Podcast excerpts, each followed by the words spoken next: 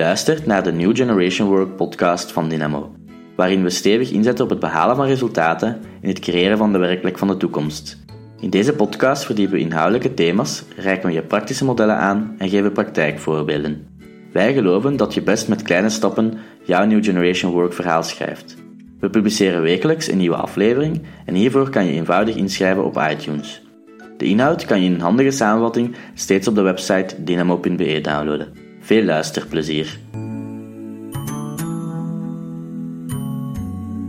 In de podcast New Generation Work kijken we vandaag naar hoe je met de ganse organisatie op een snelle manier tot gedragen beslissingen kan komen. Mijn naam is Christ van Laren en ik zit samen met Wim Tielemans, oprichter van Dynamo en School for Recruitment. Goeiedag Wim. Hey, dag Christ. Wim, hoe ben je eigenlijk gestart met het werken met grote groepen? Um, eigenlijk eh, ben ik daar eh, als kind altijd geboeid geweest om, uh, om het podium te staan. Dus dat zat er eigenlijk altijd al wel een stukje in. Maar om dan echt ehm, grote groepen, zoals we dat binnen Dynamo doen, dan um, is het zo dat ik teruggrijp naar mijn eerste kennismaking met appreciative inquiry of, of waarderend onderzoeken.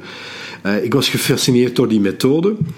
En um, na wat uh, opleidingen gevolgd te hebben, uh, trachtte ik in organisaties daar een, uh, ja, projecten eigenlijk mee te kunnen doen. Maar dat, uh, dat leek niet zo, niet zo makkelijk. Um, je, ik kon een, een, kleine groep van mensen overtuigen, maar eigenlijk de grotere groep meekrijgen, dat was eigenlijk lastig. En dan ben ik ehm, op het spoor gekomen van een andere methodiek die gerelateerd is tot dat appreciative inquiry, maar die vanuit het individu gestart is. En dat is het werk van solution focus of oplossingsgericht werken van mhm. Steve de Chaser. En wat ik daar eigenlijk merkte is dat de methodiek. Um, ook weer opnieuw een uh, lange opleiding gevolgd, maar dat de methodiek dat die uh, gemakkelijker te integreren was in kleinere trajecten. En zo ben ik dan wel met die concrete, concrete tools aan de slag kunnen gaan. En um, dan ben ik verder uh, op het spoor gekomen van andere uh, werkvormen. En dan denk ik vooral naar uh, een World Café. Het eerste eh, grote groepinterventie dat we georganiseerd mhm. hebben was een World Café. En ook een vorm zoals een Open Space en een Future Search. En dat, ehm, dat waren eigenlijk instrumenten waar ik heel veel mogelijkheden zag. Maar de lastige situatie was dat in, in België uh, weinig mensen die vraag stelden naar die werkvormen, omdat ze ze eigenlijk ook niet kenden. En dat mhm. hebben we in 2010, hebben we, uh, geloof ik, een viertal keer, uh, over twee jaar, hebben we een viertal keer met grote groepen een workshop gestart. Um, in twee dagen het beleven van die verschillende werkvormen, om zo op die manier mensen warm te krijgen om die te gaan in te zetten. En dat is een beetje de, ja, de start van uh, het werken met grote groepen okay. Um, ik hoor je iets zeggen over het leren met uh, grote groepen. Kan je dat, dat wat verduidelijken? Want leren met een grote groep is toch niet hetzelfde als uh, beslissen met een grote groep? Ja, uh, dat klopt. om tot goede beslissingen te komen die een grote groep van mensen aanbelangt, dan vertrek je best van verschillende inzichten. En daarmee ben je dan eigenlijk aan het leren. Want wanneer je die inzichten integreert in jouw beslissing, is het omdat je geleerd hebt dat er iets anders is dan wat je oorspronkelijk dacht. Ja? Mhm. Je staat eigenlijk toe dat anderen u beïnvloeden en je voegt zelf ideeën toe om anderen te gaan beïnvloeden. Ja? In een strakke hiërarchische organisatie bestond dat niet. De piramide die Taylor eigenlijk opgezet heeft, die was strak van bovenaan beslissen en dan een manier vinden om dat via een cascadesysteem door de verschillende lagen van de organisatie dan naar beneden te brengen, die beslissing. Ja, daar was eigenlijk het systeem, wij gehoorzamen aan de baas. Eigenlijk was dat ook niet abnormaal voor die tijd. Want als je weet dat mensen nog niet konden lezen en schrijven, ja, dan was dat eigenlijk ook niet abnormaal dat je zo'n beslissingsstructuur opzette. Mhm. Maar we zijn ondertussen ja, toch wel heel wat jaren verder. En ja, dat is natuurlijk niet meer, meer zo dat mensen ongeletterd zijn. Hè. Mensen hebben ook heel veel uh, ervaring en kennis opgebouwd. Dus wat zie ik?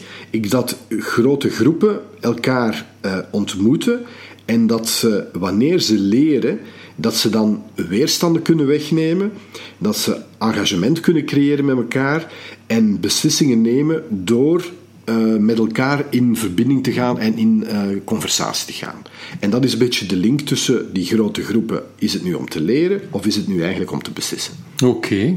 Om een groep, om, om het leren van een groep, een grote groep te duiden eigenlijk, um, heb jij een specifiek uh, model ontwikkeld. Voor mij schepte dat toch wel redelijk wat duidelijkheid. Um, en ik denk ook voor een publiek dat met leren en ontwikkelen begaan is, dat dat toch wel een interessant model is. Kan je het eventjes toelichten? Ja, ja oorspronkelijk, uh, Christ, is dat model ontwikkeld om aan te geven wat Dynamo nu eigenlijk doet. want door de jaren zijn wij gaan evolueren. Is het uh, niet alleen coaching, training, maar ook organisatieontwikkeling geworden. En eigenlijk is dat um, voor um, voor een podcast misschien iets moeilijker om uit te leggen, maar de download die mensen uh, kunnen doen via de website gaat dan wat verheldering, uh, verheldering geven. Maar je moet het volgende zien. Als je eigenlijk een as maakt waarop je langs de ene kant zet wat je individueel doet of wat je in groep kan doen. En dat is de, de y-as. En je hebt dan een x-as waar dat je langs de ene kant zet wat je volgens een vast scenario doet, of aan de andere kant wat je doet, dat eigenlijk een opdracht is en wat een open uh, invulling eigenlijk geeft. Dan creëer je zo vier kwadranten. Ja? En het eerste mhm. kwadrant, dat ja, mensen in L&D heel goed kennen, dat is het kwadrant waar dat je in groep volgens een scenario gaat werken.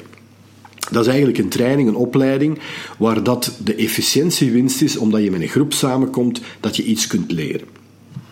Men verlangt ook vaak uh, dat uh, die scenario's vastliggen en dat je eigenlijk voor een uh, hogeschool is dat een leerplan, hè, voor een, een, een bedrijf is dat dan eigenlijk toch een bepaald inhoudelijk programma dat voor alle groepen hetzelfde is.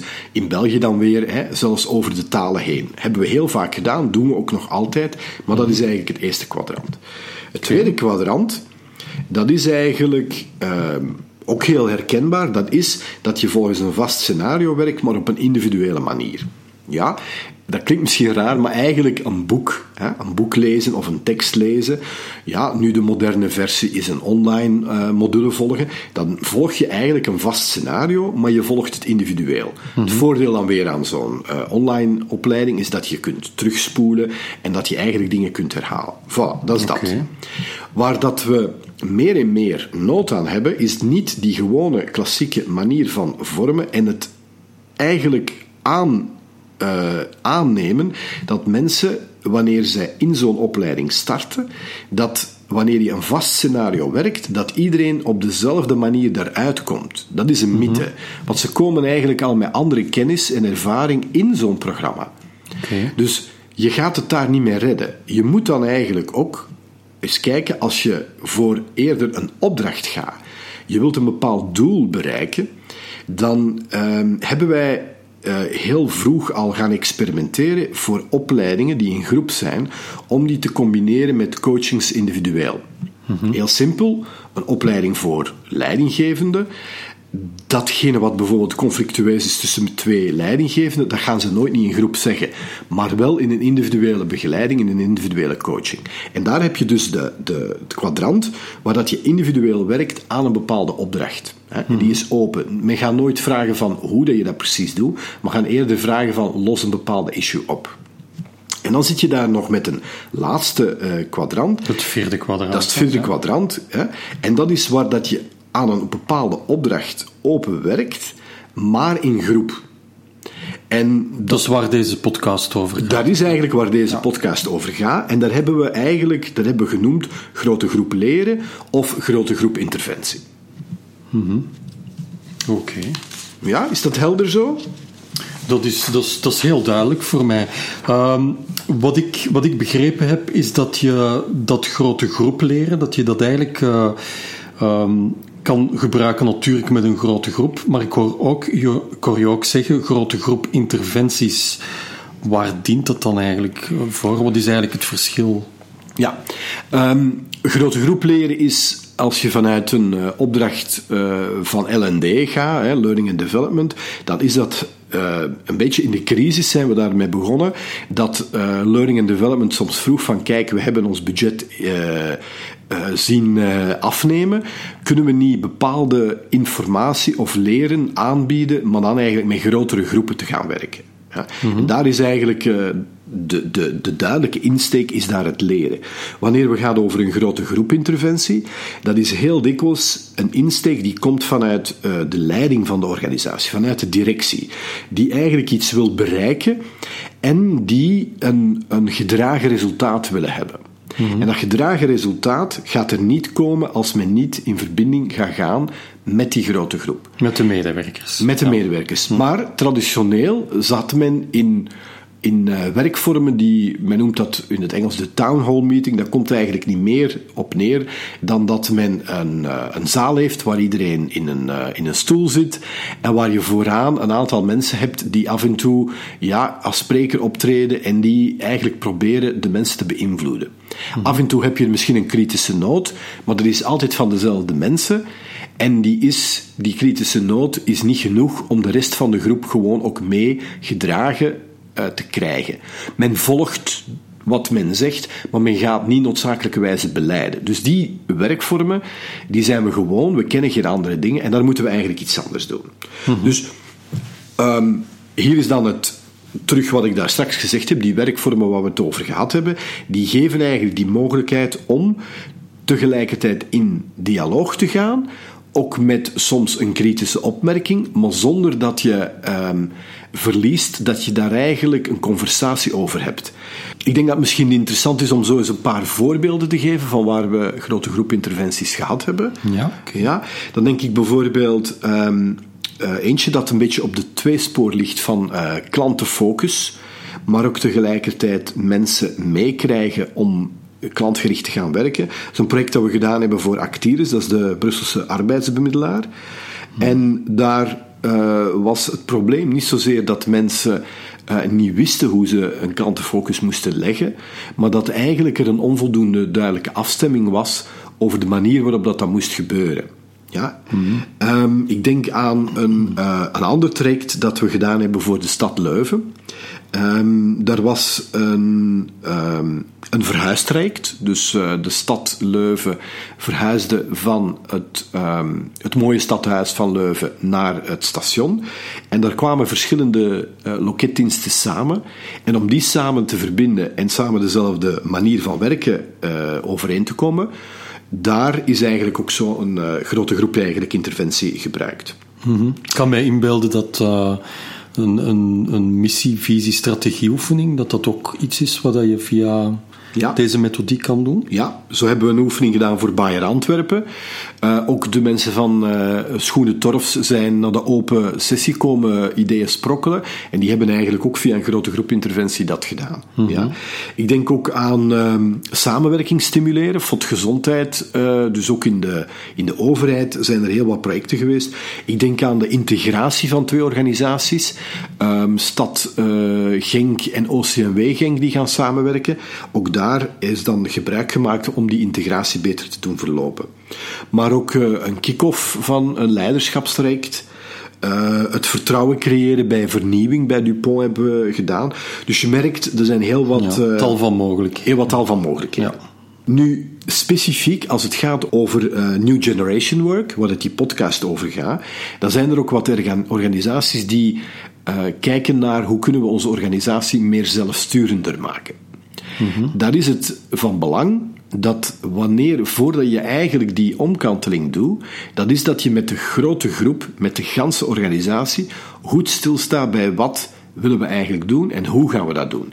Je hmm. kan onmogelijk als, als uh, directie op een blauwe maandag zeggen van kijk, we gaan plots veranderen van een hiërarchische structuur naar zelfsturende teams, zonder dat daar een bepaalde weerstand niet gaat komen en die weerstand overwinnen en de antwoorden krijgen op de vragen en samen daarin stappen en samen een plan maken, daarvoor heb je een werkvorm nodig.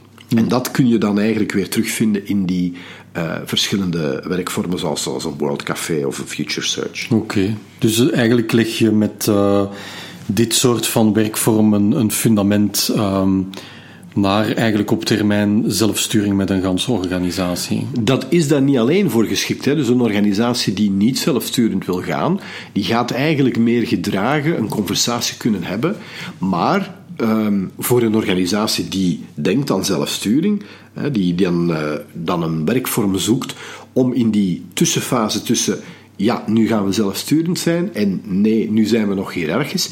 Daarin kan zo'n grote groep interventies okay. zoals een World Café of een Future Search eigenlijk uh, uh, werken. Oké. Okay. Ik hoor je al twee keer zeggen World Café, Future Search. Wat, wat, moet ik daaronder verstaan? Voor mij is dat. Uh... Ja, een World Café, dat klinkt, ja. dat klinkt zeggen mensen altijd, klinkt heel leuk, omdat het woord café er natuurlijk in zit. Het idee van World Café is. Daar zit het, het, stukje het op reis gaan, een wereldreis eigenlijk maken.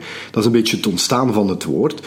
Maar um, wat, wat eigenlijk een World Café is, is een langgerekte um, conversatie waar dat mensen niet um, in één zaal zitten, allemaal op een rij, maar eigenlijk zitten een grote groep van mensen zit allemaal aan een cafétafel. Mm Ja, we zijn als Belgen kampioenen als we daar uh, dan nog een biertje bij hebben. Dat is dat we dan eigenlijk gemakkelijker met elkaar in conversatie gaan, zolang de groep ook niet groot is. Sommige ja. mensen praten veel makkelijker met een groepje van vier, vijf mensen. Dus dan moet je inbeelden mm -hmm. dat iedereen aan een tafel zit van vier, vijf mensen en dat er gepraat wordt er is een stuk voorbereiding gebeurd, maar ze praten eigenlijk over één uh, vraag die eigenlijk uh, gesteld wordt aan elke tafel. Oké. Okay. Ja. Um, na een bepaalde tijd, meestal is dat ongeveer een twintigtal minuten, gaan mensen uh, op een wereldreis. Dat wil eigenlijk zeggen, de vraag wordt gesteld om te gaan zitten aan een tafel met opnieuw nieuwe mensen, nieuwe vier, vijf mensen, waar dat je daarvoor niet mee in conversatie zat. Er is één persoon die aan de tafel blijft zitten, en dat is eigenlijk wat we noemen de, de, de host, gasten, eigenlijk, de host eigenlijk ja. van de tafel. Daar liggen ook tafellakens met papier waarop kan geschreven worden, en zo heb je een aantal rondes. Wat mm -hmm. geeft dat als voordeel? Als je zo goede vragen ontwikkeld hebt, want dat is de kunst, dan kan je op die manier de informatie die eigenlijk aan die tafels gezegd wordt, is, is na die, die praatfase, is om die te oogsten in bepaalde inzichten.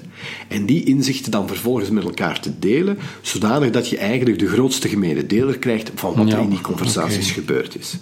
Dus dat is een World Café. Dat is een, uh, eigenlijk een heel toegankelijke vorm. Een Future Search daarentegen is um, is heel wat lastiger om te doen, maar heeft ook een heel mooi resultaat, maar wordt gebruikt voor veel moeilijkere issues. Dat gaat over uh, complexere problemen vaak. Mm -hmm. Dat gaat over multi-stakeholders, verschillende soorten stakeholders, misschien soms in de organisatie, maar ook buiten de organisatie die meespelen. En die volgt een bepaalde tweedaagse formule met mm -hmm. waar ook twee nachten in zitten is eigenlijk tweeënhalve dagen. Een, een, uitgevormd, een, een werkvorm die uitgedacht is door uh, Marvin Weisbord. Ja, en die uh, heel goede resultaat is, maar die uh, iets lastiger is of iets complexer is om, om, om, om mee aan de slag te gaan. Oké. Klinkt allemaal veelbelovend, Wim, maar um, zijn er ook belemmeringen als je uh, met een grote groep aan de slag gaat? Ja, belemmeringen zijn er natuurlijk altijd. Hè. De, de, de grote groep interventies die ik uh, gedaan heb, is, is vaak dat leidinggevende daar wat weigerachtig of wat angstig tegenover staat. Um, vaak heeft het, een, ja, heeft het een invloed als zij schrik hebben dat er daar domme dingen gaan komen of dingen die uh, er niet toe doen, dat men liever, um, liever in, in apartere, kleinere groepjes dingen gaat masseren.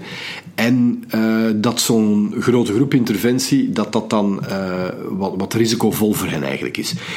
In mijn ervaring heb ik eigenlijk nooit niet meegemaakt dat zoiets eigenlijk gebeurt. Het is eigenlijk zo dat wanneer je met een grote groep een uh, scenario bouwt vooraf, wat bedoel ik daarmee, is je gaat niet plots in één keer met die grote groep gaan werken zonder dat je dat goed voorbereidt.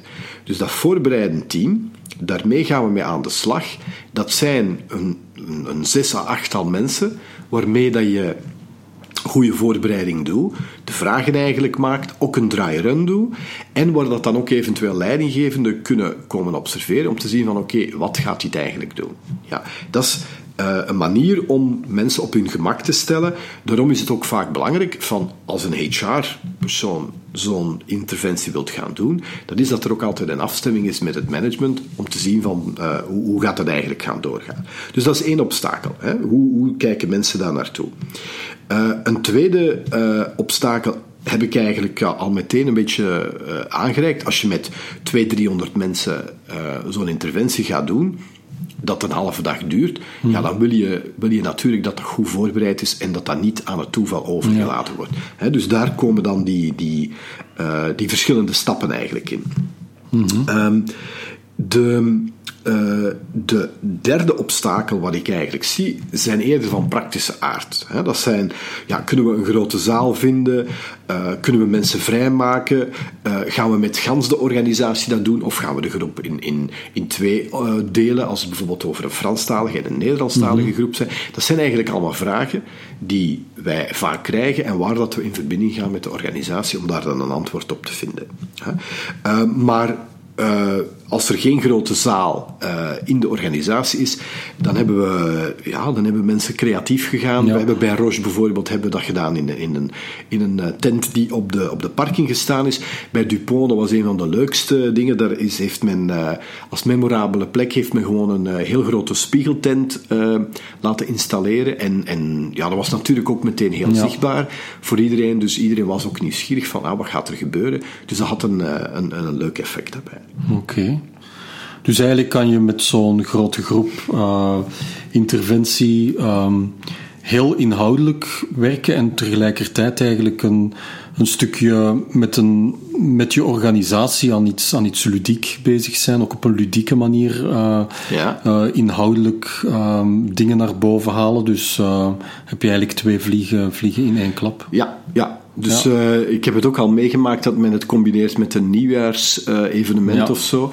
Uh, maar het blijft nog altijd hetzelfde. Je doet het niet omdat je ja, gewoon interessant wil zijn. Je doet het wel degelijk, ofwel dat je een bepaalde leernoot, ja, een bepaalde leernoot hebt, of omdat je een bepaalde ja, manier wilt hebben om mensen achter een strategie of achter een plan te hebben. En daarin, dat geeft een ongelooflijk effect.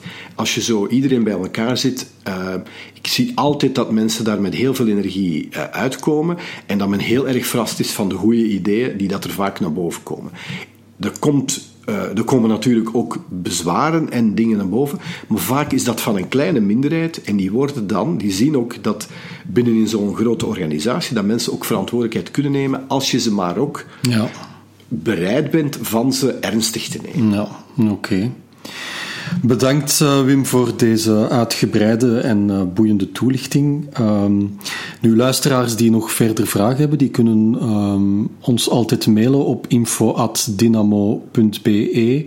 En uh, de samenvatting van de podcast die kan je ook kan je in je mailbox krijgen als je wil. Dan kan je jouw e-mailadres achterlaten op uh, dynamo.be slash blog.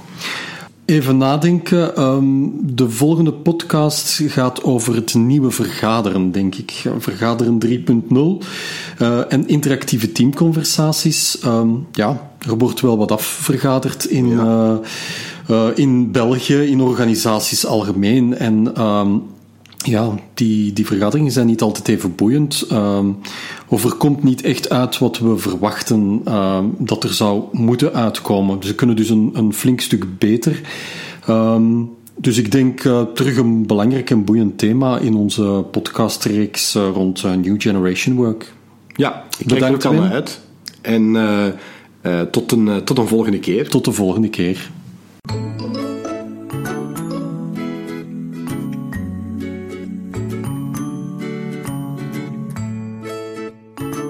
Deze podcast wordt mogelijk gemaakt door Dynamo.be, partner voor training, coaching en organisatieontwikkeling. Dynamo helpt organisaties, teams en individuen om de betere werkplek van de toekomst te creëren. Voor meer opties kijk op jobcrafting.info, schoolforrecruitment.be of sliminterviewen.be.